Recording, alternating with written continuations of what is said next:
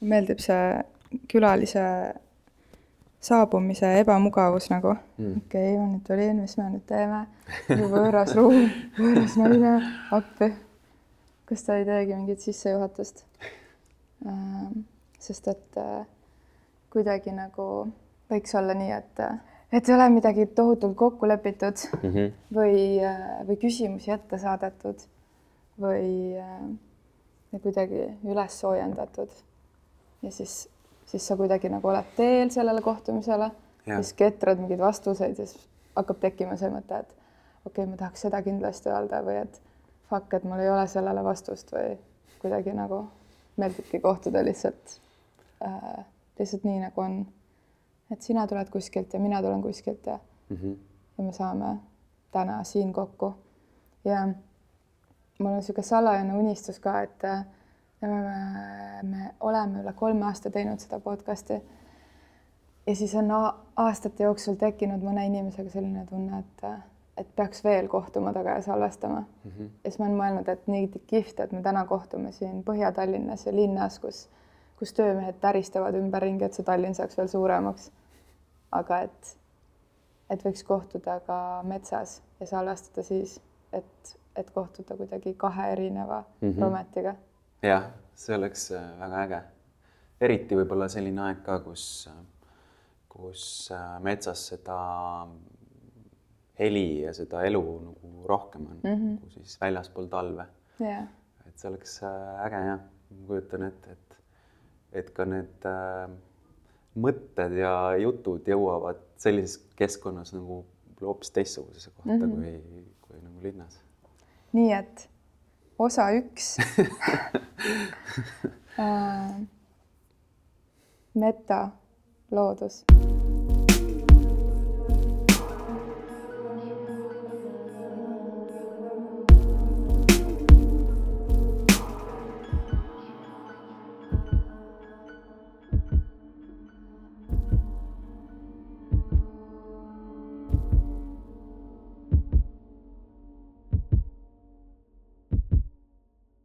kui sa mõtled, et mis see meta seal taga on, Mm -hmm. et üks, üks Eesti mees käib keskmiselt rohkem looduses kui mõni teine, siis, siis mis, mis selle tingib, kust see tuleb? see sõna meta tegelikult mulle isegi meeldib äh, see, kuidas mõned teised inimesed on mulle öelnud, et kuidas nemad seda näevad. Isegi meeldib rohkem kui võib-olla, et see, see alguslugu selle puhtalt selle sõna taga ähm, on mingis mõttes nagu hästi lihtne. et ähm, võib-olla ma nagu ajalises mõttes hüppan natukene edasi-tagasi, aga aga kui ma nüüd nagu sellised esimesed suuremad sammud äh, tegin selle elu suunas, mida ma täna elan ja hakkasin kirjutama alustuseks äh, blogi, siis mul oli vaja sellele blogile pealkirja või mingit nime. ja siis ähm, mõtlesin natuke et, ja olin tegelikult päris suures kimbatuses, aga siis mul oli kuskil sahtli põhjas mõned tekstid, mis ma olin lihtsalt metsas olles kirja pannud ja siis ma panin tähele, et ma kasutasin seal väga palju selliseid kuidagi kujundeid või analoogiaid või siis ka metafoore. Ja siis ma mõtlesin, et ähm, võib-olla siis äh, see võikski olla metafoorid loodusest, aga see tundus nii pikk ja lohisev nimi. Ja siis ma lihtsalt tegin sellise oma sõna, paningi metaloodus, mis siis nagu iseloomustaski siis mingis mõttes minu sellist äh, väljendusviisi, et, et kuidas ma mingisuguseid looduse analoogiaid püüdsin siis tuua sellisesse kuidagi inimese ellu. et see oli nagu see pool ja kui vaadata seda, et kuidas teised on seda oma arusaama järgi lahti seletanud, siis, siis päris mitmed inimesed on öelnud, et nemad on sellest aru saanud niimoodi, et see meta siis äh, nagu meta ongi, et ta tähendab mingit laiemat, suuremat sellist äh, vaadet äh, või ruumi, et siis äh, võib-olla see ongi siis see, et kui inimene on muidu harjunud nagu loodust nägema sellisena, nagu ta võib-olla geograafiatunnis või bioloogiatunnis õppis, et siis see meta ongi nagu see, et sa ehk siis mina nagu püüan anda nagu sellele natukene sellist tähenduslikumat või nagu mingisugust suuremat nagu mõtet.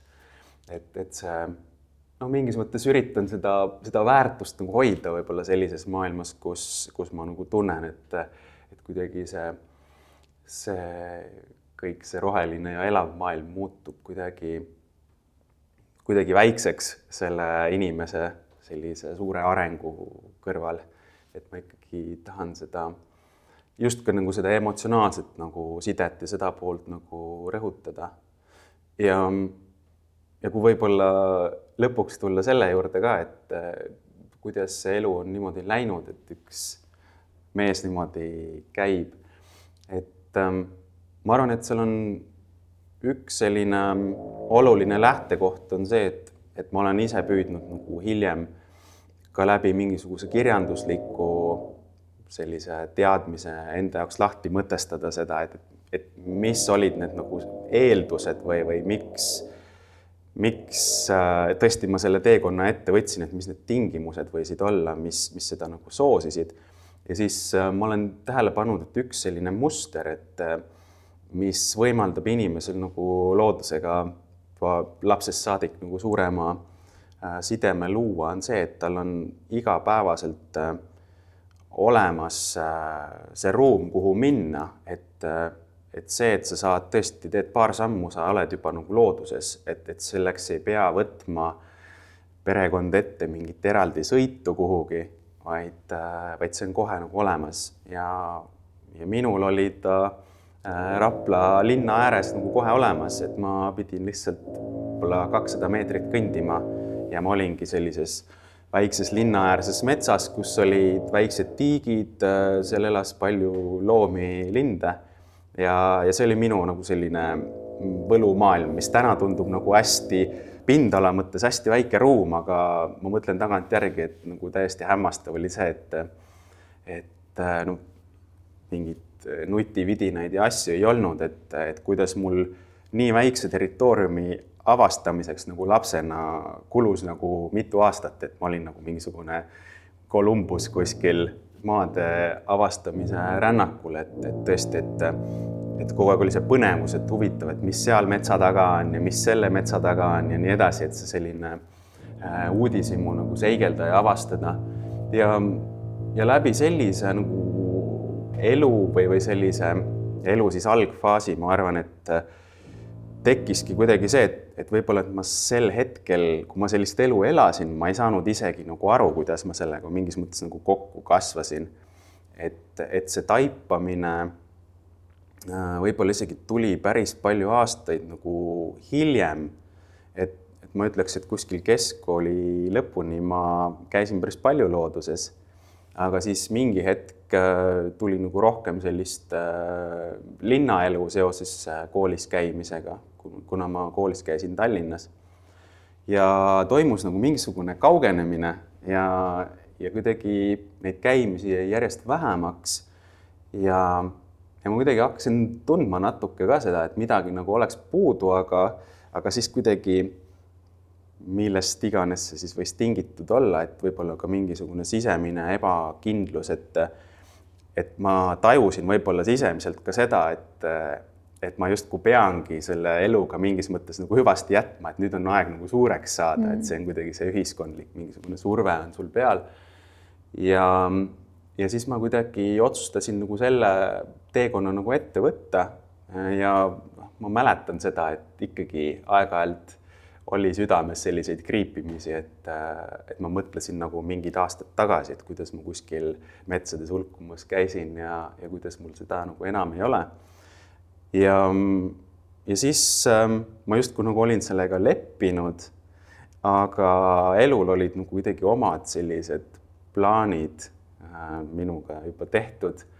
ehk siis äh, ma läksin tõesti hästi tugevalt nagu loodusest eemale ja, ja minu sellised kuidagi tööalased valikud läksid ka loodusest nagu järjest kaugemale, et kuigi ma olen nagu loodusteadusliku nagu taustaga ülikooli mõttes ja esimesed töökohad vähemalt nii palju olid loodusega seotud, et paberi peal oli sõna keskkond olemas et vähemalt seda on ju. kuigi keskkond seda ei soodustanud.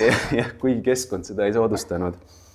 aga et, ähm, et mul nagu tekkis kuidagi ikkagi see selline kipitav nagu tunne, mis ei kadunud nagu ära, et et toimus nagu selline lõputu nagu hüplemine, et ma tegin nagu ühte asja mingi aja, ma ei jäänud sinna nagu paika püsima, siis ma läksin nagu edasi järgmisesse kohta ja kuidagi ma ei, ma ei leidnud nagu mingit rahu ka nendes asjades, mida ma tööalaselt nagu tegin.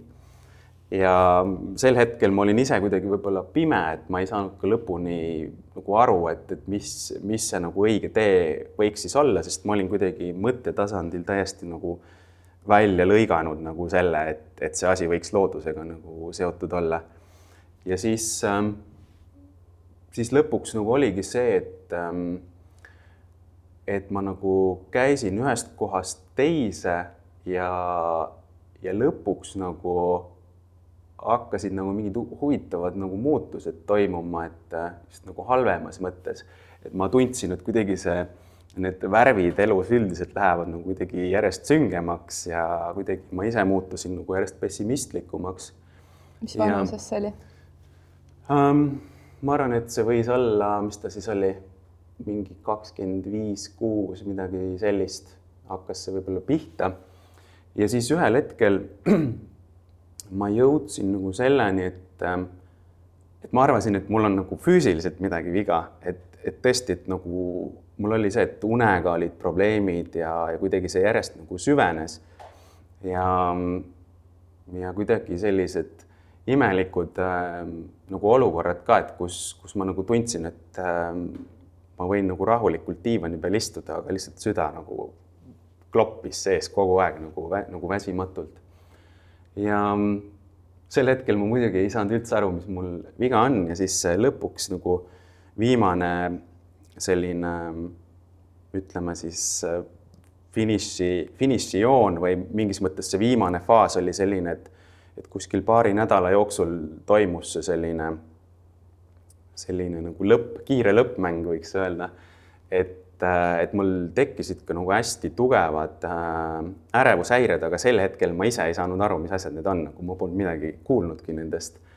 ja, ja see oli tõesti nagu väljendus selles, et ma võisin minna nagu poodi ja kõik oli nagu hästi, aga siis nagu mingiks paarikümneks sekundiks on lihtsalt satud mingisse paanilisse hirmuhoogu lihtsalt ja sa ei saa aru, mida sa nagu kardad, et selline nagu surmahirm nagu tekib.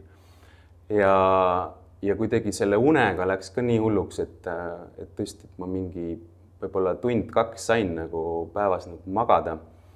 ja, ja siis see viimane punkt oli see, et ühel õhtul lihtsalt, kuna jälle und ei tulnud ja, ja ma lihtsalt, ma ei mäleta, kas ma vaatasin midagi arvutist või, või telerist, aga midagi ma vaatasin igatahes ja, ja tundsin, et nagu silme ees hakkab nagu täiesti nagu virvendama juba, et niisugune tunne, et kohe läheb pilt eest ära. ja siis, siis ma nagu ehmatasin ära, et muidu ma olin kogu aeg olnud selline Eesti mehe tüüpi, et no läheb üle, et kui pole mingi surmatõbi, siis läheb üle. ja, ja lõpuks ma siis tõmbasin kiirelt jalanõud jalga, tõmbasin trepi peal paar sõõmu värsket õhku ja siis hüppasin autosse ja sõitsin kuna kiirabi oli suht lähedal, siis sõitsin sinna. ja seal siis toimus selline mingis mõttes nagu tõehetk, et, et mina läksin sinna väga sellisel hingeldaval viisil ja siis äh, üks valveõde või kes ta oli, oli seal valves. Sihuke öine aeg ka ja siis ta kuidagi rahulikult küsib, et mis nüüd nagu juhtus, kas vigastasid ennast kuidagi, mis iganes, onju. ja siis ma ütlesin, et mul on selline tunne, et kohe minek ka, et, et siis ma kuidagi rääkisin talle nagu seal paari minutiga ära kõik asjad, mis, mis mul olid viimastel nädalatel nagu toimunud ja, ja siis ta nagu palus mul maha istuda ja kuidagi rahustas mu maha. ja ja siis ta minu arust tegi nagu mingid asjad, mis ta seal kohapeal kiirelt sai teha, et äh, äkki ta võttis vist kuidagi sõrme otsast verd ja vaatas seda mingit hapnikusisaldust veres ja mingeid selliseid asju. ja, ja siis ta ütles, et nii palju kui asju, kui ta praegu nagu mõõta sai ja nii teha sai, et äh, kõik on normis nagu. ja mina ei saanud nagu midagi aru, ma mäletan, et ma isegi nagu ärritusin selle peale, et äh, kuidas need nagu normis saavad olla, kui ma tunnen, et kohe nagu kukun kokku. ja, ja siis ta ütles, et äh, minusuguseid inimesi pöördub tegelikult päris palju niimoodi kiirabisse, et nad arvavad, et neil on kas on südamel midagi viga või, või midagi muud sellist. aga et äh, tegelikult nad ei tea, et neil on lihtsalt äh, väga tugevad mingid ärevushäired ja paanikahood ja sellised asjad. ja, ja siis ma nagu mäletan, et minu jaoks ma lihtsalt olin täiesti vait nagu lihtsalt, ma olin nagu nii üllatunud ähm,. üllatunud ka selles mõttes, et ma kuidagi iseenda osas nagu nii pime olin nagu olnud, et kuidas ma seda ise üldse nagu polnud oma olukorrast nagu aru saanud. ja, ja siis ta nagu kuidagi küsiski, et, et äh, kas ma nagu, kui ma mõtlen oma elu peale üldiselt, mis, mis oli ka minu jaoks selles mõttes üllatav, et üldse kiirabis keegi sellist asja küsib, et kas ma olen üldse nagu mõelnud oma elu peale nagu laiemalt, et, et kas ma olen sellega rahul, kas ma teen neid asju, mida mulle meeldib ja nii edasi. ja, ja sel hetkel ma siis nagu kuidagi hakkasingi mõtlema, et et tõesti, et ma ei ole selle peale eriti mõelnud, aga nüüd, kui ma hakkan mõtlema, siis nagu tegelikult ükski asi nagu ei klapi või kuidagi mingit sellist kokkukõla lihtsalt ei, ei ole. ja, ja siis ma küsisin talt, et mis ma siin edasi teen, siis ta ütles, et äh, no mõned inimesed saavad nagu ise tulevad sellest olukorrast välja, sest sõltub sellest, et kui hull see seis on. aga et äh, kui ma nagu tunnen ikkagi, et on mingid kimbatust või raskust, et siis äh, on mõistlik äh, pöörduda mõne spetsialisti poole, kes siis nagu aitab mind. Aga, aga siis ma läksin nagu koju tagasi, muidugi sel õhtul ta, kui ma läksin koju, siis ta andis mulle mingisugust rahustit ja siis ma lihtsalt istusin trepi peal, tuju oli väga mõnus, vaatasin lihtsalt taevasse. Ja siis lihtsalt ise olin nagu nii nagu hämmastunud, et mõtlesin, et lihtsalt uskumatu, et et kuidas inimene lihtsalt nagu ka mõttetasandil suudab ennast kuidagi nii haigeks või kuidagi abituks nagu mõelda, et see kuidagi see füüsiline keha tuleb nendele mõtetele nagu järgi ja, ja paned ennast nagu nii halba nagu olukorda. et siis ma mõtlesin, et äkki siis nagu saab ka vastupidi, et äh, need asjad nagu keerata ikkagi valguse poole ja, ja ronida sealt nagu välja ja tunda ennast äh, palju paremini. ja muidugi sellele nagu niimoodi üleöö muutusin ei järgnenud, aga, aga lihtsalt ma olin nagu oma olukorrast teadlik ja ma hakkasingi, esimene mõte mul kuidagi tuligi kohe see, et, et ma nagu justkui näpuga hakkasin järge ajama, justkui nagu ajas tagasi minema, et, et kust mul kust mul siis see sära nagu kaduma nagu läks. Ja, ja siis ma kuidagi jõudsingi selle juurde nagu tagasi, et, et äh, need ajad, kus ma ikkagi sain looduses palju nagu käia, et siis seal ma ikkagi tundsin nagu sellist äh, kuidagi täidetud tunnet või, või kõik oli nagu olemas. ja, ja siis, äh, siis ma hakkasingi esialgu tõesti käima lihtsalt niimoodi nädalavahetustel ja õhtuti. aga, aga see siis noh, heas, heas mõttes oli nagu selline lumepall, mis nagu kogus nagu sellist suurust pidevalt nagu juurde. et, et äh, ma käisin küll äh, veel päris mitmed aastad nagu tööl edasi, aga, aga minu sees nagu vähemalt oli see mingi äratundmine nagu tekkinud, et ma, ma sain aru, et, et ma pean midagi siis selle suunaga nagu peale hakkama, et või et see, see on see minu õige tee et ma ei suuda võib-olla niimoodi ühe päevaga hüpata kohe sinna sellesse maailma, aga et vaikselt nagu mängida, harjutada ja, ja proovida. ja siis ma hakkasingi ühel hetkel kirjutama sedasama blogi, mida ma mainisin. see oli vist kaks tuhat kuusteist äkki, jah, kaks tuhat kuusteist alguses ja ja siis sealt kuidagi hakkaski see minema tõesti, et kui ma seda blogi hakkasin kirjutama, siis ma tundsin, et see veel tekitas sellist tugevamat nagu sidet, et ma kuidagi püüdsin neid oma looduses käike ka kuidagi enda jaoks rohkem nagu lahti mõtestada.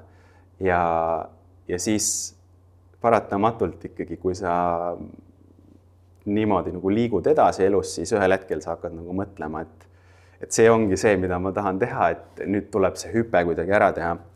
ja selle blogiga oli ka see, et kui ma hakkasin sinna ka fotosid ja asju nagu lisama, et siis, siis äh, inimesed hakkasid nagu ka järjest rohkem küsima, et kas saaks kaasa tulla ja see kuidagi julgustas ka mind, et, et võib-olla ikkagi on see asi võimalik ja noh, viimane samm elu tegi minu jaoks selle hästi nagu lihtsaks, et, et ühel hetkel mind koondati ja ma kohe tajusin, et ma olin nagu hinges nagu nii pikalt seda oodanud, seda, seda momenti, et, et ühel päeval ma teen selle ära ja võib-olla natuke jäi ka endal natuke sellisest hästi konkreetsest või, või sellisest julg, julgest suhtumisest nagu puudu aga kui see otsus nagu tuli, siis ma nagu mõtlesin, et see on nagu märk kuskilt kõrgemalt.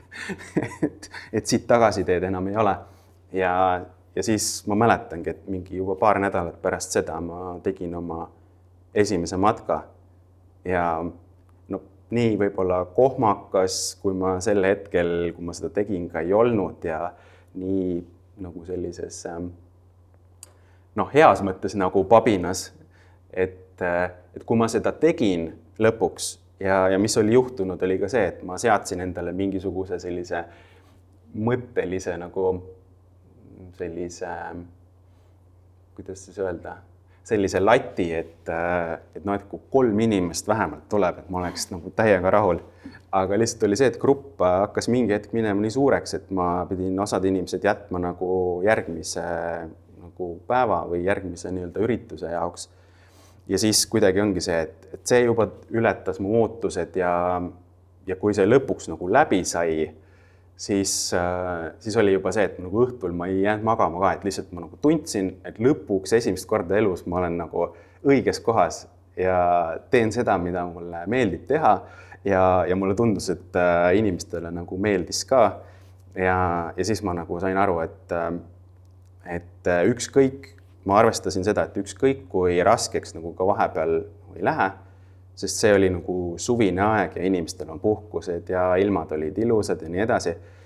et ma arvestasin, et äh, sügisel ja võib-olla isegi järgnevad äh, mingid aastad äh, võivad kohati olla nagu väga rasked.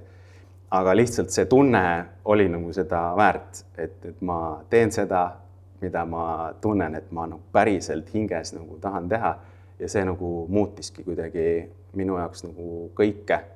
et, et isegi enne seda esimest üritust mul kuskil kuklas oli veel see, et, et aga et äkki esialgu võiks mingi poole kohaga mingi teise töö kõrvale otsida. aga siis ma nagu sain aru, et ei, kõik läheb sinna ja, ja lihtsalt äh, ähm, ei anna nagu kohe alla ka, et äh, et see oli nagu üks hea selline kokkulepe endaga ka, et ma mõtlesingi kohe alguses, et et äh, ma annan endale umbes kolm aastat ähm, ja et äh, ma enne ei hakka mingisuguseid äh, lõplikke järeldusi nagu tegema, et äh, lihtsalt asjad nagu võtavadki aega. Ja, ja mulle lihtsalt tundus, et kui ma olin kõrvalt näinud, et inimesed äh, nii-öelda ütleme siis tegid mingit oma asja, mida nad ütlesid, et see on nende hinge asi, aga kui nad kolme kuu pärast juba loobuvad, siis võib-olla see ikkagi nagu ei olnud. ja, ja siis ähm, tõesti, et on olnud keerulisi perioode ka, aga, aga kui see kolm aastat nagu täis sai, siis, siis mul oli nagu selge tunne, et, et ma ei kavatse nagu selle nii-öelda teekonna pealt nagu maha astuda, et äh, ma tahaks nagu edasi minna. ja niimoodi ma olen kuidagi siia tänasesse päeva ja sinu kõrvale niimoodi äh, jutukaaslaseks nagu jõudnud. nii et küsimus, et mis see metalooduse taga on sai sellise äh, peaaegu pooletunnise vastuse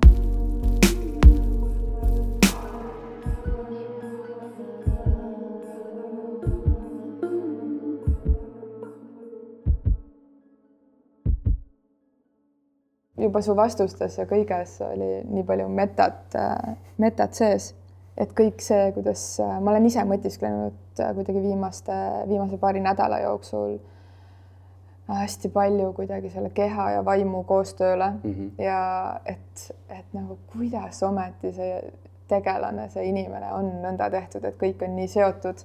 mitte, et see taipamine ei oleks mul juba noh, praktiliselt kümme aastat tagasi läbi käinud, aga, aga, aga, aga selles ajas, kui sa arvad, et sa midagi tead, sa ikkagi ju muutud ja kasvad ja koged uusi, uusi asju, mida sa oma ellu tellid.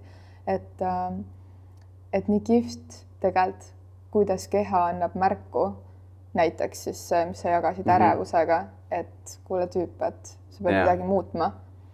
et äh, kui keha ei annaks märku, siis noh, ma nagu tuimalt teeks mingisugust noh, justkui vale asja edasi, onju et tegelikult saab nii tänulik olla, olla ka nende justkui ärevuste või muude, muude asjade eest, millele me tahaksime miinusmärgi ette panna. Mhm. ja ma arvan, et see kuidagi nagu, ma juba oma tutvuskonnast kujutan ette, et kui paljusid see võis kõnetada, et aitäh, et sa jagasid selle, selle loo nõnda mm..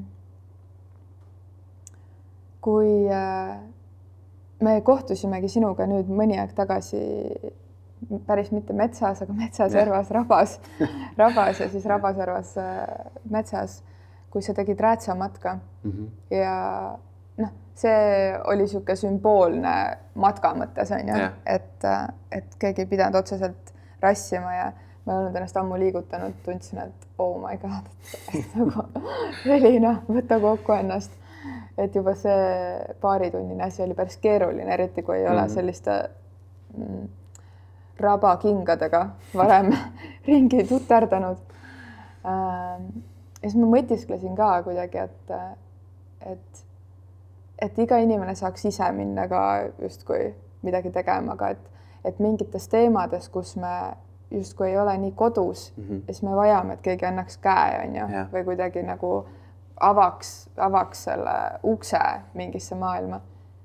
et ma arvan, et, et sa oled päris paljudele inimestele selle metsa ukse sellisel moel avanud tuli meelde üks luuletus sellega seoses oma, oma raamatust, et äh, tegin metsa ukse lahti, vaatan, mina aga kui sa ise oled käinud täitsa omaette, Mhm. siis millise rometiga sa oled kohtunud? Et, et sul on olnud nii, et vau wow,, okei okay,, ma ei teadnud, et selliseid kohti, momente, hirme, vaimustusi, ma ei tea, tasakaalu, närvilisust, ükskõik mida sinus on mm. -hmm.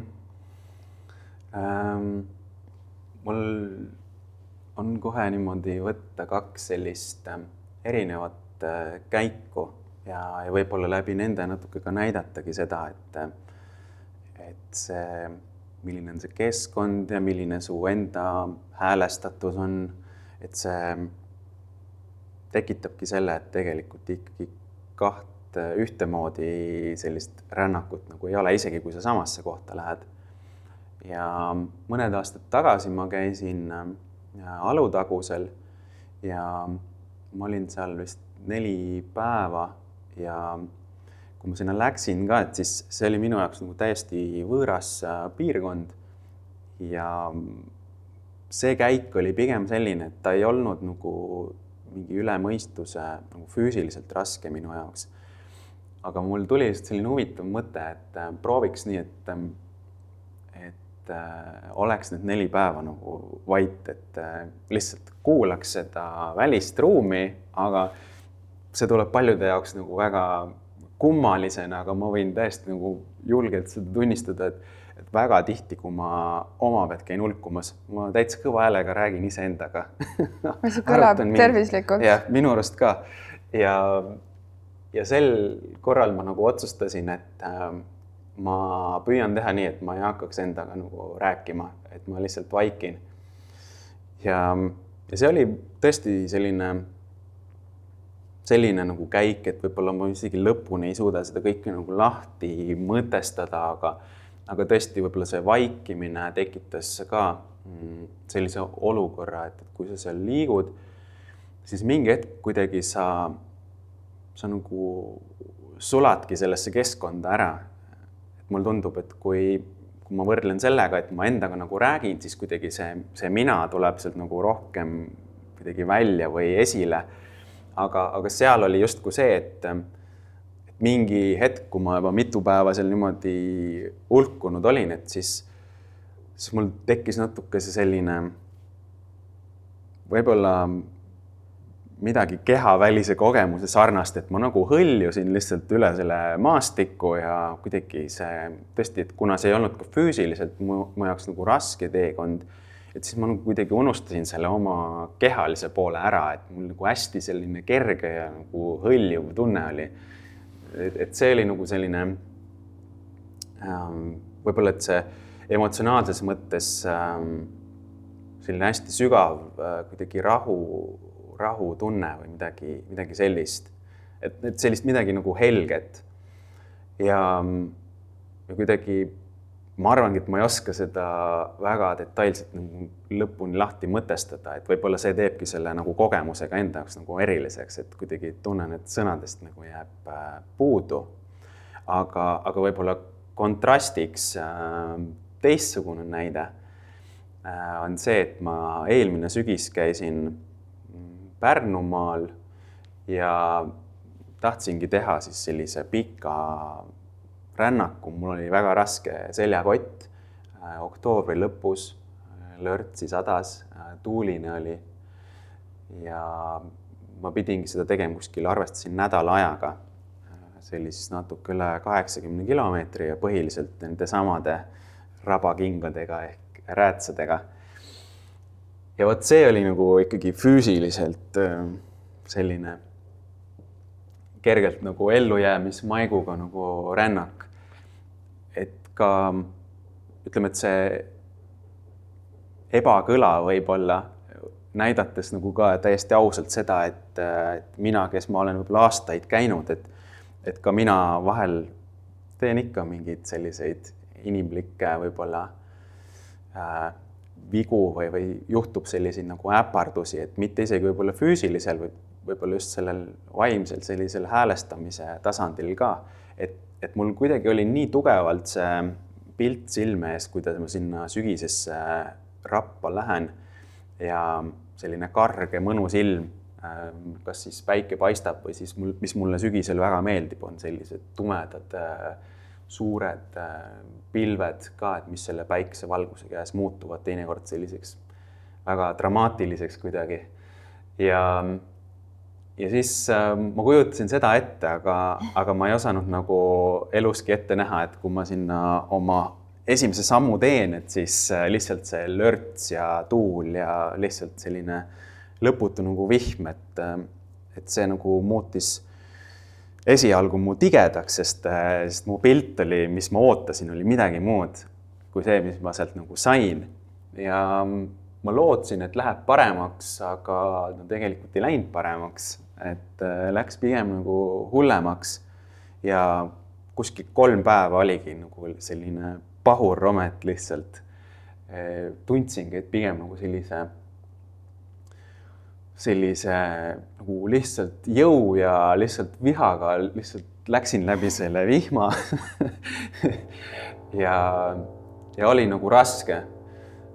Ja mulle tunduski, et äh, väga suur osa nagu sellest raskusest tekkis ka sellest, et, et füüsiliselt oli raske, aga ikkagi see, et äh, sa ei olnud siin kuskil mõttetasandil nõus nagu loobuma sellest pildist, mis sul nagu silme ees oli.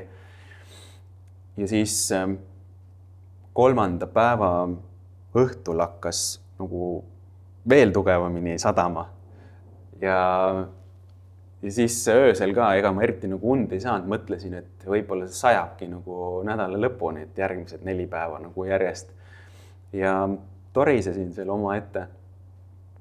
ja siis hommikul ka ärkasin, ikka sadas edasi ja siis mul lihtsalt pahuras meeleolus ja siis ma olin selles äh, rippvoodis ja kuna tal on selline nagu viilkatuse tüüpi selline kate on peal, siis hea oli see, et, et ma sain endale teed teha niimoodi, et kuna sealt nirises seda vett alla, siis ma ei pidanud magamiskotist välja tulemagi, et ma lihtsalt võtsin poti, lasin sellel täis voolata ja siis tegin endale teed.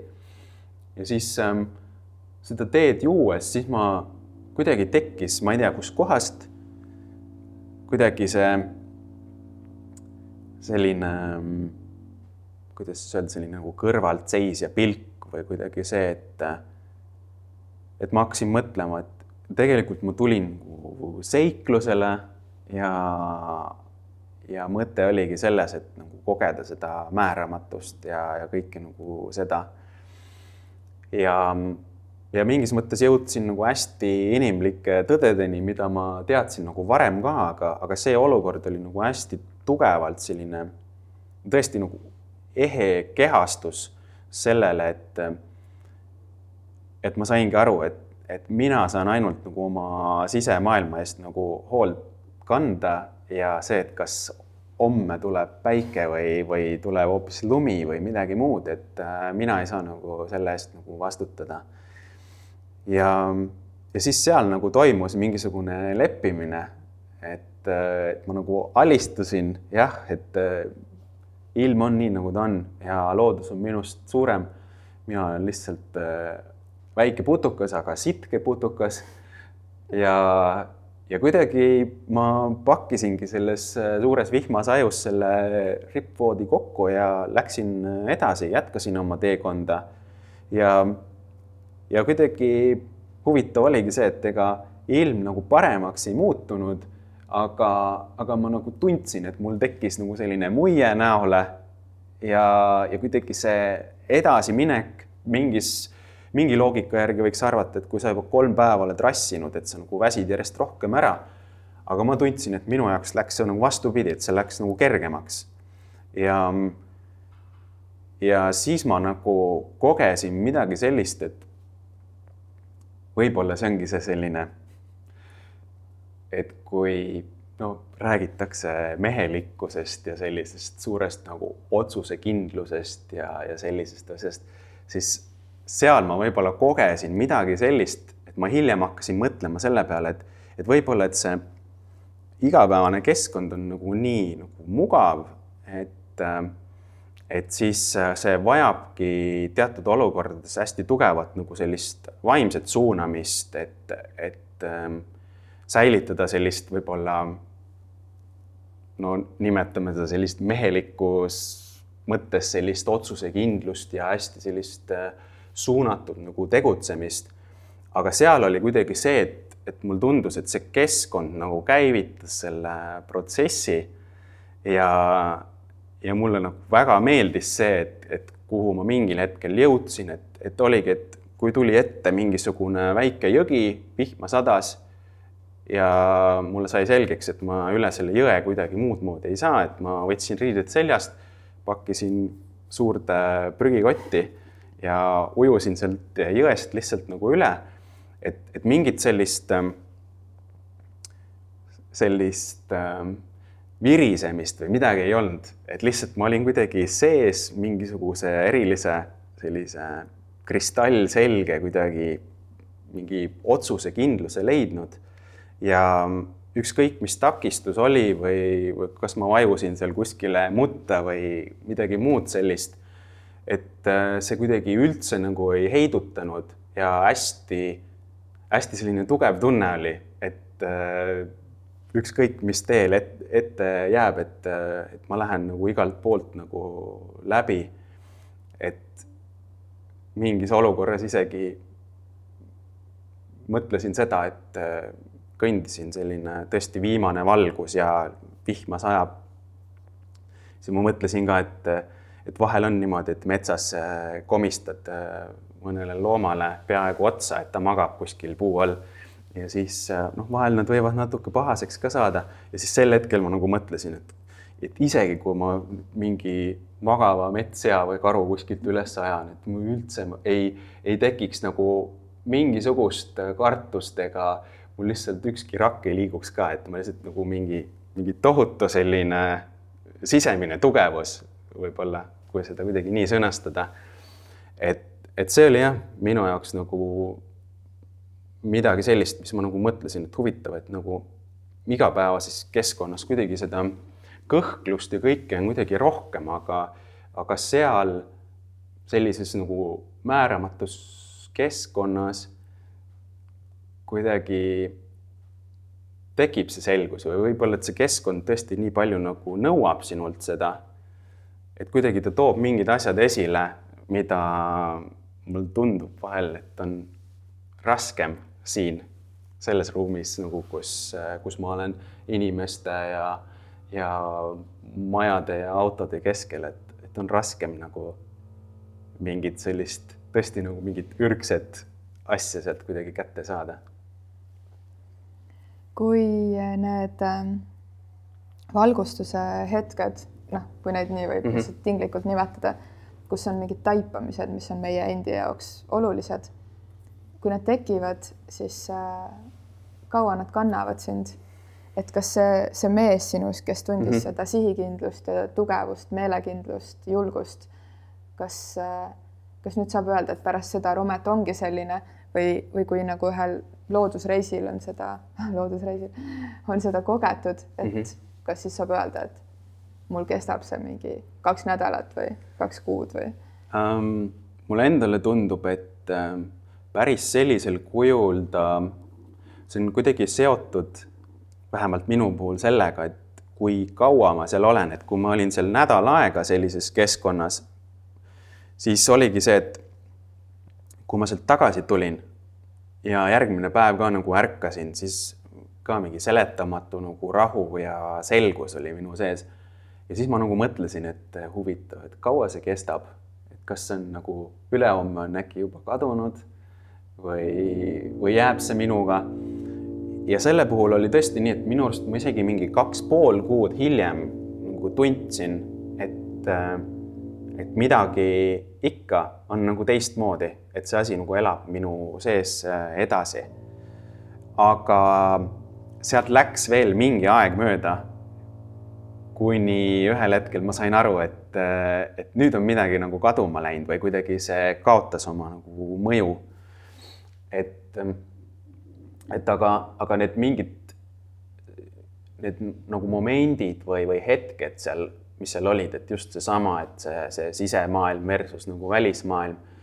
et, et need asjad nagu mingis mõttes nagu ikkagi olukorras, kus ma olen nagu füüsiliselt ja omal nahal selle nii selgelt nagu läbi kogenud, et see mälestus nagu teinekord aitab mul ikkagi, isegi kui ma nagu emotsionaalselt ei tunne täpselt samamoodi nagu selle retke ajal või pärast seda retke, et need mingid mälestuse killud tulevad mulle mingis olukorras, kus ma olen natukene võib-olla sõlme jooksnud omadega või, või kogen neid samu olukordi siin inimeste keskel, siis kuskilt mul tuleb lihtsalt meelde see, see olukord, kus ma nagu olin ja see aitab mul nagu kuidagi kergemini nagu lahendada neid olukordi.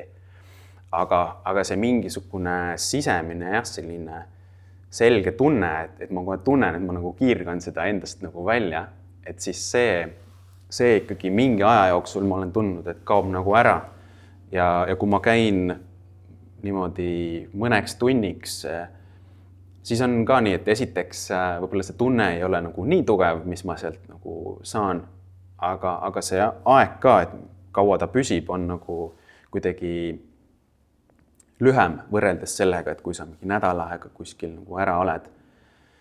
nii et, et ma arvan, et kokkuvõtvalt ongi nii, et et tõesti, et see ähm, sügav sisemine mingi taju või tunne, et, et see nagu hääbub mingi aja jooksul, aga need mingid õppetunnid või, või sellised asjad nagu, et need ma äh, vähemalt sellisel mõistuse tasandil äh, suudan nagu kaasa võtta ja ma tunnen, et mul on nendest nagu hiljem nagu abi ja, ja nendest on palju rohkem abi kui, kui näiteks see, et, et ma võin ju ka mäletada mingit asja, et ma olen kuskilt raamatust lugenud mingit tarkust või teadmist.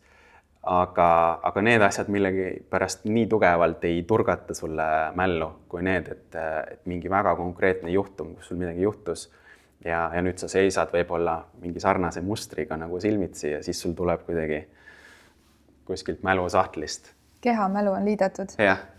aga ütle veel meil kuulajatele, kindlasti huvitav kuulda just seda integreerimise nippi, et äh, kui ma teen teetseremooniaid või laagreid, siis äh, ma arvan, et suurim hirm klientidel on mm -hmm. see, et, et okei okay,, nüüd sinuga siin koos mul on tegelikult jumala hea ja ma mm -hmm. jõudsin mingisse kohta ja ruum on nii hoitud ja, ja, ja kuidagi, et, et appi, et ma igatsesin mm -hmm. seda ja ma tulin uuesti endale meelde, onju. aga kui ma nüüd sinu juurest siit ära lähen mm, -hmm. et, et kuidas ma siis hakkama saan ja siis ma proovin alati öelda, et, et, et, et see on sinu sees olemas, on ju, see, mida mm -hmm. sa enda sees tundsid, et see ei ole mina, on ju, see oled sina. ja, ja proovin kuidagi nagu, mida aeg edasi, seda rohkem anda kaasa neid tööriistu, et kuidas mm -hmm. seda integreerida igapäevaellu mm, -hmm. et see metsa minek ei oleks nagu põgenemine, vaid et see oleks nagu palve või kordus mm -hmm. või mhm. mustri kinnitamine, aga yeah. et kui seal on see põgenemise efekt sees, siis tekib veits sihuke what the fuck nagu mm, -hmm. et, et, et miks sa pead nagu argipäevast põgenema, onju. et anna nippe Äh, see on ja see on suur nagu väljakutse mulle ähm, endale ka, kui ma mõtlen nende inimeste peale, kes käivad ja ja mõned on sellised, kes tõesti natu-, nad võivad käia nagu mõned korrad ja, ja küsida palju küsimusi, aga siis mõneks ajaks nad on kadunud ja siis mingi hetk nad kirjutavad, et äh, nad ongi nagu leidnud selle oma raja kuidagi ülesse. aga, aga tõesti palju on ka neid, kes ütlevad, et et nagu üksi ei, ei julge ja, ja mingid asjad kasvavad ikka kuidagi üle, üle nagu pea. et, et üks asi, mis ma näiteks ise tahan nagu taastada, et, et ma olen mõelnud, et ka need kokkupuutepunktid äh,, mida mööda nagu mina loodusega seotud olen, et, et üks asi on see, et ma, et ma käin seal nagu füüsiliselt kohal, aga aga kui ma ka pildistan ja selliseid asju teen, siis nagu need fotod tulevad äh, minuga nagu koju kaasa, et see ei tähenda, et ma nagu iga päev neid seal niimoodi nagu sirviks kuskil arvuti ees. aga, aga kuna tõesti fotode puhul on ka see, et kui mõelda sellises kunstilisemas, kunstilisemas pooles, et siis ka hilisem nagu fotodega töötlemine ja kõik, kõik see pool viimasel ajal ma olen hakanud ka paberkujul neid nagu välja printima ja, ja tegema. et siis äh, kuidagi see on ka see, et, et sa oled ühe koha nagu jäädvustanud läbi selle foto, aga ta elab sul nagu seal kuskil toas edasi ja siis äh, kuidagi ta, ta muutub sulle nagu hästi nagu lähedaseks ja, ja mul teinekord tekibki nagu lihtsalt igatsus puhtalt selle koha järgi, et kui ma vaatan seda pilti, et ma tahaks nagu sinna minna ja, ja kui ma sinna siis lõpuks lähen, et siis on nagu kuidagi nagu hea tunne, et sul on see mingi õrn selline ühenduskoht on olemas. ja, ja ma arvan, et isegi üks tugevamaid äh, viise on, on see, et mida ma, ma just äh, isegi võtsin selle jaoks endale ühe ühe raamatu, mida, mille sisu ma ei ole veel näinud, aga ma huviga lihtsalt tahaks näha seda. et ma tahaks taastada enda jaoks selle, et mida ma tegin täiesti intuitiivselt ähm, nooremana tõesti, et kui ma põhikoolis ja niimoodi hulkusin kuskil metsas ringi, siis mul oli kaasas üks märkmik ja mul ei olnud seal mingit väga kindlat süsteemi, et mida ma sinna pean kirjutama, väga tihti ma panin kirja, tegin nimekirja, siis ütleme nendest linnuliikidest, keda ma sel päeval nägin. vahel ma võisin sinna juurde neid linde joonistada ka ja, ja vahel panin mingeid mõtteid nagu kirja. et mul tundub see selline, tänasel päeval kuidagi võib-olla on see hääbunud, aga, aga sellised nii-öelda vanemad, kuidas neid nimetada siis sellised naturalistid või, või sellised inimesed, kes kuskil looduses on käinud, et, et ikkagi see oma mõtete peegeldamine, et mis tunded sul seal metsas istudes äh, tekivad ja vabalt võid ka joonistada, on ju, et see võib ka täitsa, minul seda kätt nii, nii palju ei ole, et ma, aga ma olen mõelnud selle peale, et ka nagu maalida mingeid maastikke, et, et oleks nagu äge viis selle maastikuga kuidagi sügavamalt nagu ühenduda et võib-olla, et sealt tulebki välja nagu see, et neid astmeid on nagu erinevaid, et näiteks, et kui inimene tuleb minuga rappa ja ma viin ta kuskile sellisesse rappa, kus laudteid ega midagi ei ole, et siis ta võib-olla oma peas mõtleb, et ma nagu üksi ei julge minna, et see on nagu nii suur nagu amps. aga minu arust oleks nagu päris hea algus ka see, et kui, kui sa suudad minna ka täiesti suvalisse metsatukka, kasvõi see, et sa sõidad siit Tallinnast natukene välja mingi, ma ei tea, kümme kilomeetrit, viisteist kilomeetrit, sa näed lihtsalt kuskil põllu ääres mingit metsatukka ja kevadel lähed, lihtsalt istud sinna maha ja, ja oled, võib-olla et esialgu isegi omamoodi nagu pidepunktiks võib-olla, võib olla see, et et sa kuuled, et kuskil mingi autotee õrn, mingi kahin või mingi, mingi sõiduhääl on nagu, et lihtsalt, et et mulle tundub, et vahel inimestel on vaja nagu mingit, noh, mingit märki või, või mingit, mingit sidet selle, selle ruumiga igaks juhuks mm., et kui ta ka täiesti nagu üksi läheb, et mis aitab talle meenutada see, et ma ei ole üldse kodust eriti kaugel. aga et esimese sammuna see võib-olla võiks nagu sobida ja siis kuidagi see tõesti nende märkmete tegemine või selline vabas vormis nagu päeviku pidamine, et, et sa, kas tõesti, et mis sul endal see lemmikväljendusviis on, et kas sa joonistad või, või kirjutad äh, midagi? Ja proovid nagu kuidagi selle, selle keskkonnaga ühenduda või seda enda jaoks ka lahti mõtestada ka läbi selle, et äh, mis emotsioonid sul endal nagu tekivad. Et isegi näiteks see hirmude pool ka, et, et kui sa lähed ka kuskile metsatukka istuma ja muidu on kõik hästi, aga võib-olla korraks käib kuskilt nagu selline kõhkluse moment nagu läbi. et kui sa neid asju ka kirja paned ja jällegi nagu näpuga mingis mõttes hakkad seda järge ajama, et, et kust see nagu võiks üldse tulla, siis äh, mul endal nagu ka matkadel on kui me oleme öisel ajal matku teinud, siis see öine mets on tihti seotud selle hirmu poolega inimestel. et siis on huvitav see, et päris tihti ikkagi esimesed mõtted, mis tulevad, on seotud nagu metsloomadega. et see on selline automaatne vastus, mis nagu kohe tuleb. aga kui inimestega nagu arutlema hakata, et mis seal nagu taga siis on, siis tihti jõutakse hoopis mingite muude, muude asjadeni, et lihtsalt see metsloomale on liht-, nagu kuidagi hirmule on lihtne mingi kuju anda, et karu või, või metssiga või midagi sellist.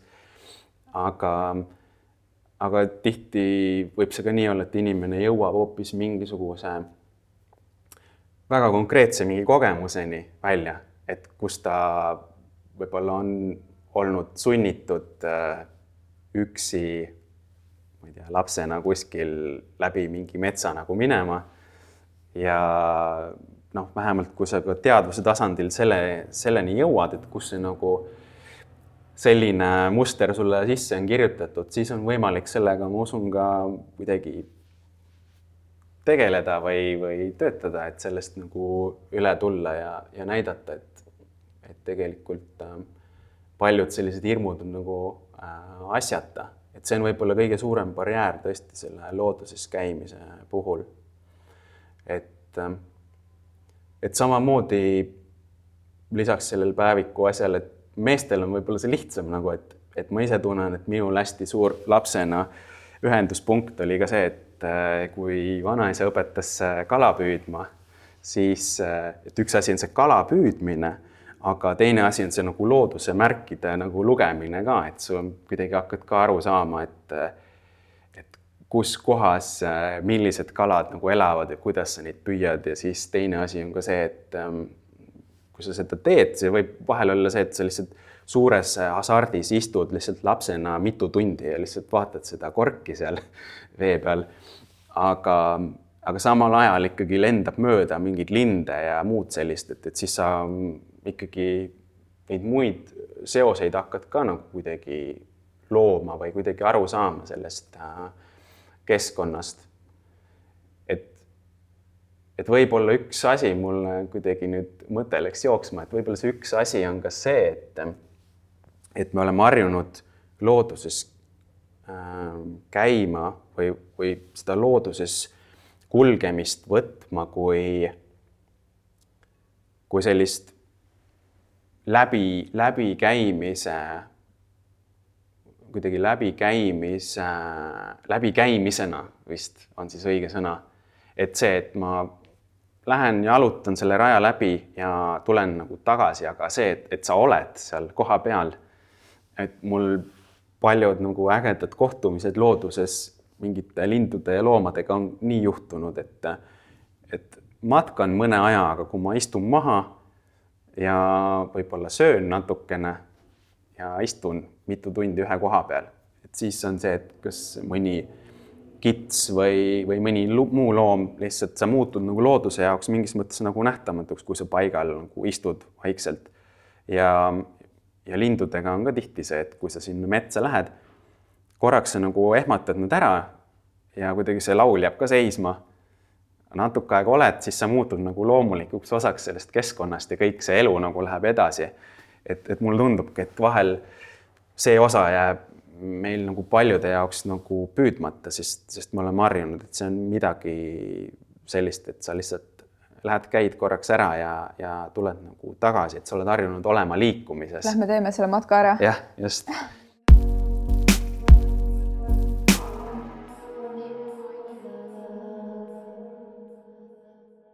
mis äh, sinu suurim hirm on, millise hirmuga, kõige suurema hirmuga sa oled looduses kohtunud või, või kardad, et kohtud?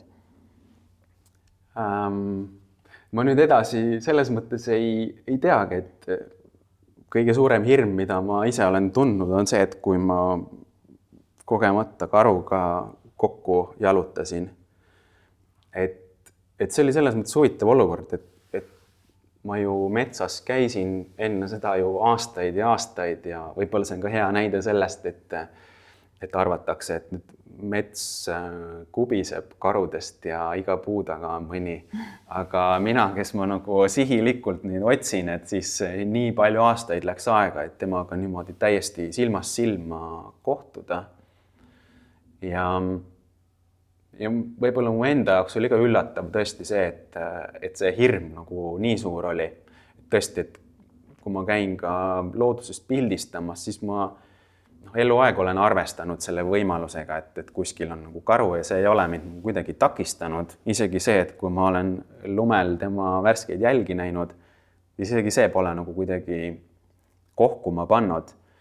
aga, aga võib-olla see oli ka olukord iseenesest, mis, mis seda tekitas, et, et lihtsalt sa ei arvesta nagu või ei oska absoluutselt arvestada, et kui sa lageda raiesmiku peal niimoodi pea maas longid ja sul on veel seljakott ja siis needsamad ähm, punased suured räätsad ripuvad seljakoti küljes, et no sa oled nii nähtav lihtsalt, et ähm, väga väike tõenäosus, et üldse mingi loomaga kokku puutud.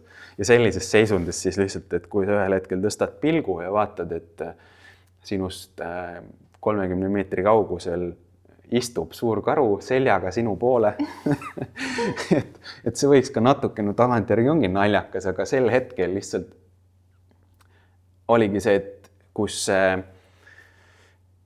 et kui ma muidu räägin inimestele hirmu osas nagu seda, et, et asi pole selles, et, et looduses käijana see hirm minu seest nagu täielikult ära kaoks, pigem ma võtan ta nagu omaks ja ma õpin temaga nagu toime tulema aga vot see oli see olukord, kus ma tundsin, et see füsioloogiline pool ja kõik need mingid ahel, ahelreaktsioonid minu kehas äh, lihtsalt võtavad niimoodi üle, et ma ei, ma ei suuda seda nagu kontrollida. et, äh, et mõte jooksis lihtsalt täiesti kinni. et kuna see karu esialgu mind ei näinud, siis ma ei suutnud nagu ei edasi ega tagasi nagu kõndida, et ma lihtsalt tardusin täiesti kivikujuks, et ja no mitte midagi ei teinud ma ei teinud ühtegi piuksu, ma ei liigutanud, täiesti nagu halvatud. ja siis ma lihtsalt seisin seal nii kaua, kuni see karu mind lõpuks nägi. mis ta tegi, vaatas üle õla või umbes nii jah, vaatas üle õla ja, ja siis äh, oligi see, et, et ta ise oli samamoodi täiesti, et see oli nagu hästi huvitav moment, et ma olin ise nagu nii hirmul ja nii kiviks tardunud ja ma nagu nägin võimalik, et, et see tegelikult nii ei olnud ja võib-olla ma nagu laiendan oma sellist taju sellele loomale, aga, aga lihtsalt, et see karu oli samamoodi kivikuju, kui ta mind nägi. et ta ei liigutanud, ta oli lihtsalt täiesti niimoodi, et, et kes sa oled nagu, et täiesti nagu ehmatanud, et kuidas sa mulle selja taha said niimoodi. ja siis ähm, noh, sel hetkel muidugi see tundub kui terve igavik, on ju, et kui sa niimoodi loomaga seal seisad kui ühel hetkel ta tõusis püsti kahele jalale ja siis ma lihtsalt olin täiesti hüpnotiseeritud ja vaatasin talle otsa. ja siis ma arvan, et ma olin võib-olla mingi tunde järgi, mingi viis minutit olime seal niimoodi seisnud. ja siis esimene asi, mis tuli meelde, et sa ei tohiks silma vaadata ma olin seda kogu aeg teinud lihtsalt terve aja. ja võib-olla see aju siis nii töötabki, et tõesti, et see esimene asi tuli meelde. ja siis vaikselt nagu hakkasid mingid muud asjad ka tulema. ja, ja siis ongi see, et ma hakkasin vaikselt taganema, et äh, ei vehkinud seal niimoodi. ei pööranud talle selga? ei pööranud selga jah. ja, ja siis taganesin ja siis ma kuidagi nägin, et, äh, et see tema krampis olek nagu muutus ka vabamaks. ja kui ta esimesed sammud tegi mitte minu poole, vaid eemale, siis, äh, siis ma nagu rahunesin nagu täitsa nagu maha. ja mis see nagu mulle hiljem tagantjärgi on andnud, on see, et, et millegipärast nüüd, kui ma metsas käin, siis ma tunnen, et ma sain sellest olukorrast kuidagi nii palju nagu enesekindlust, et, et kuidagi see karu, võimalus karuga nagu kohtuda, et huvitav oleks seda nagu korrata, et mulle vähemalt endale tundub, et kui ma uuesti nagu kohtuks temaga sarnases olukorras, et siis ma enam niimoodi nagu kokku ei jookseks. et vähemalt ta andis mulle mingisuguse suurema nagu kerguse metsas liikuda. Ja minul töötas ta sedapidi, et aga, aga ma olen kuulnud ka inimesi, kes on marjul olles karuga kokku puutunud. Ja pärast seda enam nagu üksi metsa ei lähe, et neile on siis pigem nagu vastupidi see olukord nagu äh, jah, nagu toiminud. et ma arvan, et, et see on kõige selline ärevam nagu moment äh, olnud. et muus osas vist isegi ma olen hirmude mõttes mõelnud, et, et mida ma äh, looduses äh, siis pelgan. et pigem tõesti, need on seotud võib-olla sellega, et, et kui sa tahad taotluslikult väga vaikselt nagu hiilida ja sa tead, et seal piirkonnas on palju loomi, et siis võib-olla ka kevadine aeg, kus neil on pojad ja lihtsalt mitte selles, et need loomad ise kuidagi oleks äh, tigedad või või midagi sellist, et nad minu suhtes midagi halba tahaks.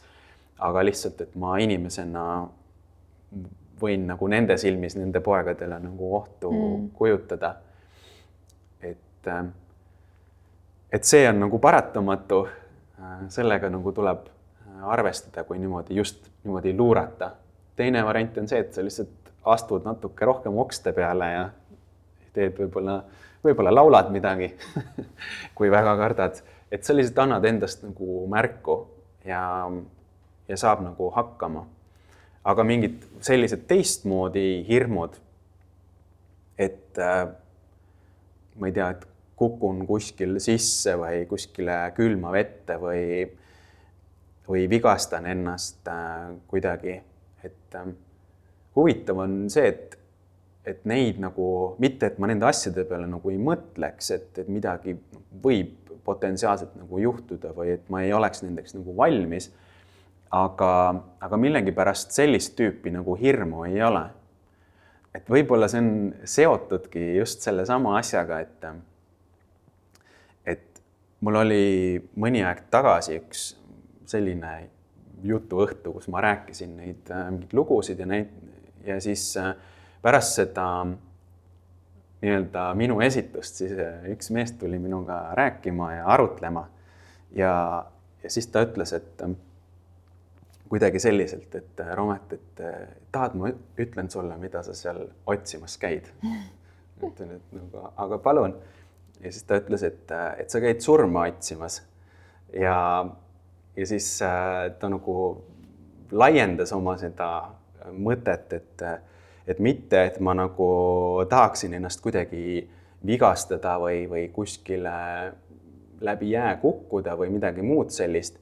Et pigem on lihtsalt see, et, et nagu mees riputab ennast kujundlikus mõttes sinna loodusjõudude kätte ja, ja sisemiselt sa lihtsalt nagu võtad vastu nagu sellega, et selle, et et, midagi võib nagu fataalselt nagu halvasti nagu minna, et ma isegi mõtlesin selle peale, eriti siis, kui ma käisin oktoobris, käisin Põhja-Rootsis seal mägedes üksi hulkumas. et siis seal võib-olla isegi oli kuidagi eriti see tunne, et sa oled mägedes ja asustusest eemal ja, ja noh, see tõenäosus, et midagi juhtuda võib-olla ongi suurem kui siin Eestis kuskil metsas. aga siis ma mõtlesin ja hästi palju selle peale, et võib-olla tõesti, et ma sisemiselt nagu selle olen kuidagi sellega noh, mitte leppinud, võib-olla ei ole õige sõna, aga, aga tõesti nagu omaks võtnud, et et noh, midagi võib juhtuda. et, et aga, aga et see ei paina mind nagu kuidagi. et, et ma eksisteerin sellega nagu vabalt küsin mm, selle, selle eestlase kohta, keda sina oled kogenud äh, läbi oma töö. et äh, loomulikult juba toimub selektsioon, et kes, kes on üldse loodusest huvitatud sellisel moel, et tulla reisile, matkale mm, -hmm. käima, olema. Aga, aga sinu siis heas mõttes hinnangul, mis seisus see tänapäeva eestlane on või tänapäeva inimene kui palju, kui palju ta on tegelikult loodusega ühenduses, kui palju ta veel mäletab, kui, kui palju ta tunneb ravimtaimi ära, kui palju ta teab, millise puu leht käib millise puu külge mm -hmm. või on sealt tulnud? Äh, sellega on niimoodi, et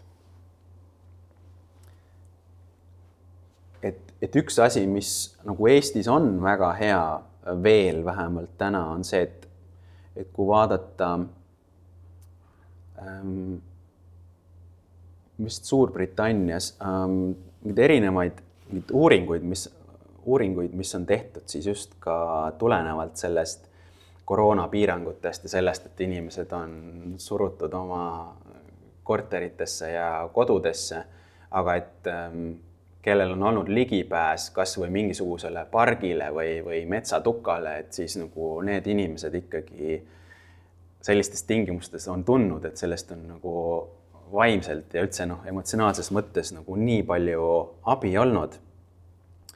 ja just see, et see ligipääs loodusele ja, ja teine asi on nagu see ka, et selle ligipääsu mõttes, et on nagu ka erineva, ütleme siis kvaliteet on ka nagu halb sõna, nagu erineva tasandiga nagu ütleme siis see, et kas sa, kas see ligipääs on sul tõesti parki, on see mingi metsatukk kuskil põllumaade vahel või on see päris selline noh, metsik loodus.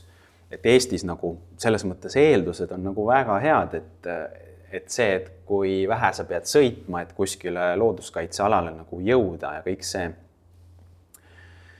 Et, et neid asju arvestades võiks nagu olukord olla väga hea ja kui vaadata on ju statistilist poolt, et siis see nagu see siseturism, noh muidugi tulenevalt ka sellest olukorrast endast, on ikkagi nagu pigem nagu heas seisus ja kasvav.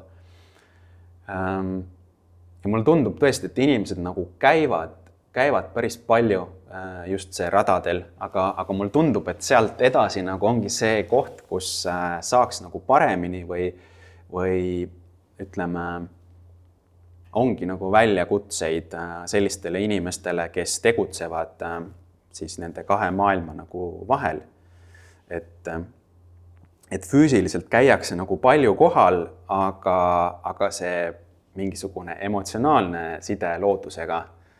Et ma arvan, et seal on ikkagi pigem natuke võõraks jäänud see, et ikkagi neid taimi ja neid asju nagu väga ei, ei, võib-olla ei tunta. et, et see looduses just see võib-olla see tekibki sellest, et see on see läbikäimine, et lähme käime siis kas seal ühel rajal või teisel rajal või kolmandal rajal. Et aga, et see päriselt nagu loodusesse kohale minemine. et, et see on see pool, millega tõesti nagu tasuks vaeva näha, et ma tundub, mulle tundubki, et see on nagu ka mõlemale osapoolele nagu kasulik, et äh, kui inimesed oleks äh, loodusega nagu paremas kontaktis, siis äh, nad ähm, hoiaks seda rohkem ja, ja teistpidi see loodus nagu annab inimestele nagu vastu ka, et kui sul on ikkagi nagu selline, et ütleme, et kui sul on mingi oma mingi koht, kus sa käid, et sul on sellega selline tähenduslik suhe, sa võib-olla isegi enam-vähem suudad näo järgi neid loomi ära tunda, kes seal elavad ja kõik, kõik see pool. et ma arvan, et võib-olla need inimesed, kes eh, siin maapiirkondades elavad, nemad on tulenevalt juba oma sellest paiknemisest ja olukorrast rohkem sellega nagu seotud, aga aga et võib-olla tõesti see inimene, kes on kolinud nagu linna elama sisse, siis ähm, noh, ma ei ütleks, et olukord lootusetu on, et, et pigem potentsiaal on nagu väga hea. ja, ja ma olen mõelnud selle peale, et, et see võib-olla isegi nagu klassikalises mõttes, äh, kui me mõtleme ka matkakorraldajate ja matkajuhtide ja selle peale, et klassikalises mõttes äh, Ähm, võib-olla, et seda arenguruumi või, või seda, ma ei, ütleme, et ma ei, ma ei nagu ei annaks seda ülesannet nagu nii väga isegi neile, vaid ma arvan, et on nagu väga põnevaid teisi nagu valdkondi, mida annab selle loodusmaailmaga nagu siduda, sest kõik see psühholoogia ja, ja kõik kõik muud sellised äh, teised nagu valdkonnad, mis pealtnäha ei ole nagu otseselt loodusega seotud, aga, aga just see kahe valdkonna nagu põimumine, et võib-olla sealt nagu leidagi just neid uusi mingeid integreerimise nagu viise. et, et mulle tundubki, et see, et kuidas mingi kultuur ja, ja üldse see ühiskond nagu muutub, et siis ka inimestele on vaja kuidagi erineval moel nagu võib-olla serveerida seda loodust, et kui seda täna võib-olla puhtalt sellises hästi võib-olla teaduslikus või akadeemilises võtmes nagu teha, et siis ta nagu jääb ikkagi inimeste jaoks nagu selliseks, et see on nagu mingi asi, mis on seal kuskil bioloogia või geograafia õpikus, aga, aga tuleks nagu leida neid erinevaid, tõesti neid mingeid ülekandevõimalusi või erinevaid sildu, mis, mis oleks inimestele nagu arusaadavamad. Et, et see on mulle endale nagu ka äh, suur nagu väljakutse, sest kui ma vaatan oma tegevust, siis ka mina, ma ei pea ennast nagu selliseks äh, metsatargaks, et tõesti, et ma taimi ja linde ja loomi, ma ütleks nagu enam-vähem tunnen, aga mul on nagu ka seal maailmas, eriti mis puudutab just taimi või ka seeni näiteks, et äh, väga palju nagu areneda. Aga ma olen ilmselt ise nagu selle fookuse pannud rohkem sellistele, just sellistele nagu, sellistele, ütleme siis punktidele, et kus äh, nagu vai-, nagu vaimsemal tasandil, et võib-olla, et kus, kuidas selle looduse, loodusega nagu suhestuda ja kuidas mingite noh, hirmude ja muude selliste asjadega nagu äh, toime tulla ja samamoodi ka see vaimse tervise pool, et kuna ma ise olen sellega nii lähedalt nagu kokku puutunud, et, et minu võib-olla vaatenurk vähemalt hetkel on selline nagu üldisem ja nagu laiem. aga, aga noh, kujutan ette, et seal on nagu neid alamvaldkondi ja asju, kus nagu annaks ägedaid asju teha, et neid on nagu ikkagi väga palju, mida võib-olla täna veel pole olemas, aga, aga ma arvan, et neid tasuks nagu nuputada ehk et su fookus on meta loodusel tuleb nii välja, jah aga tegelikult me olemegi tunnikese vestelnud ja, ja, ja nagu sa tead, siis meie podcast'i nimi on armastusest, et me oleme tegelikult ju rääkinud ka üle tunni aja armastusest sest et ilmselgelt sa ei teeks seda, mis sa teed, kui sa seda ei armastaks mm. -hmm. aga meil on podcast'is alati või siis, kui meelde tuleb selline küsimus, et äh, mis on sinu esimene mälestus seoses armastusega? see on päris hea küsimus. natuke Sobranova. vahemärkus toimetuse sulgudes on kirjas, et Romet on esimest korda täna sõnatu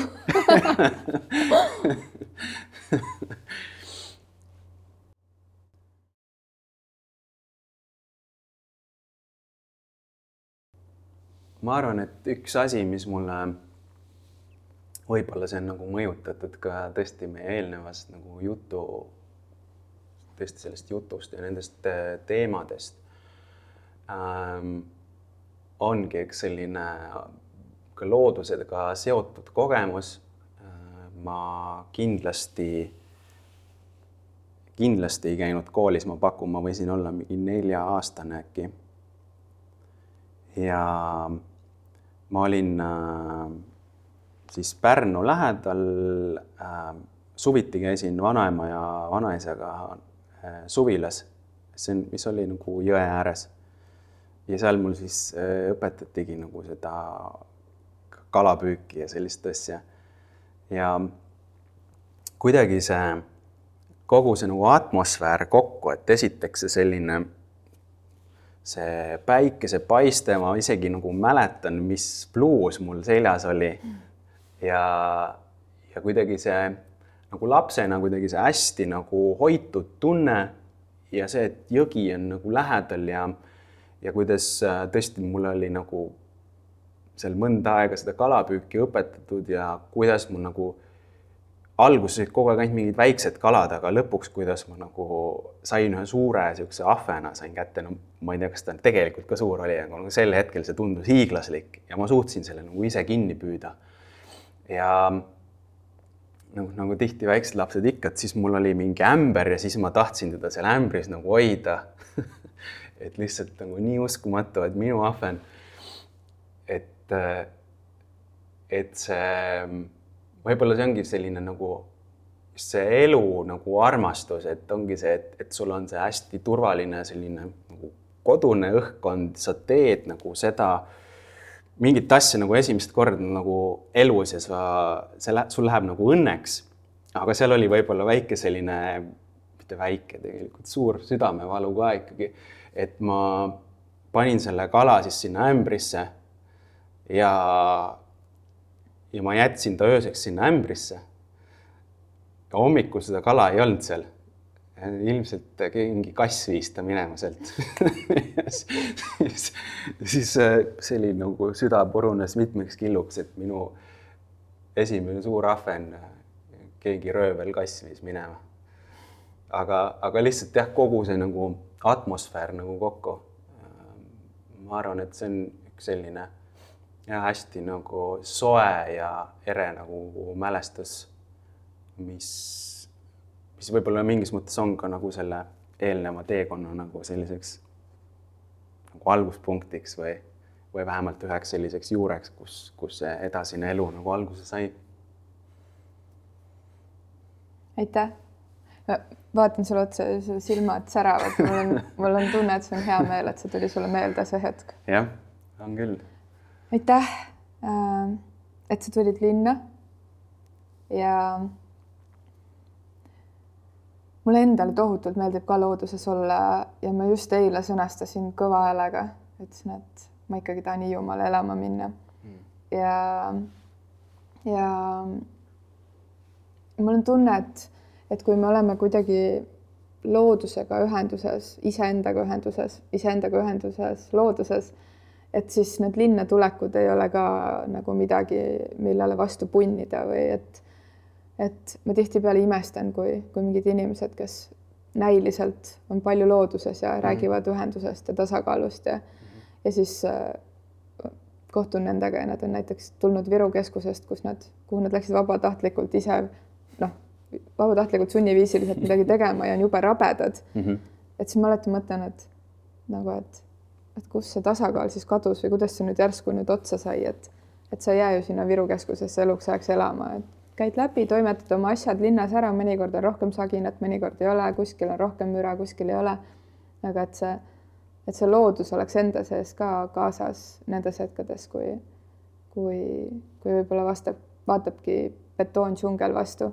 jah nii et äh, mingis mõttes mul on hea meel, et sa tulid oma sellest peidupaigast välja ja olid nõus linnas kohtuma ja lepime siis vaikimisi kokku, et, äh, et kohtume, äh, salvestame järgmise osa kunagi millalgi ja. looduses. saab tehtud aitäh sulle. aitäh sulle ka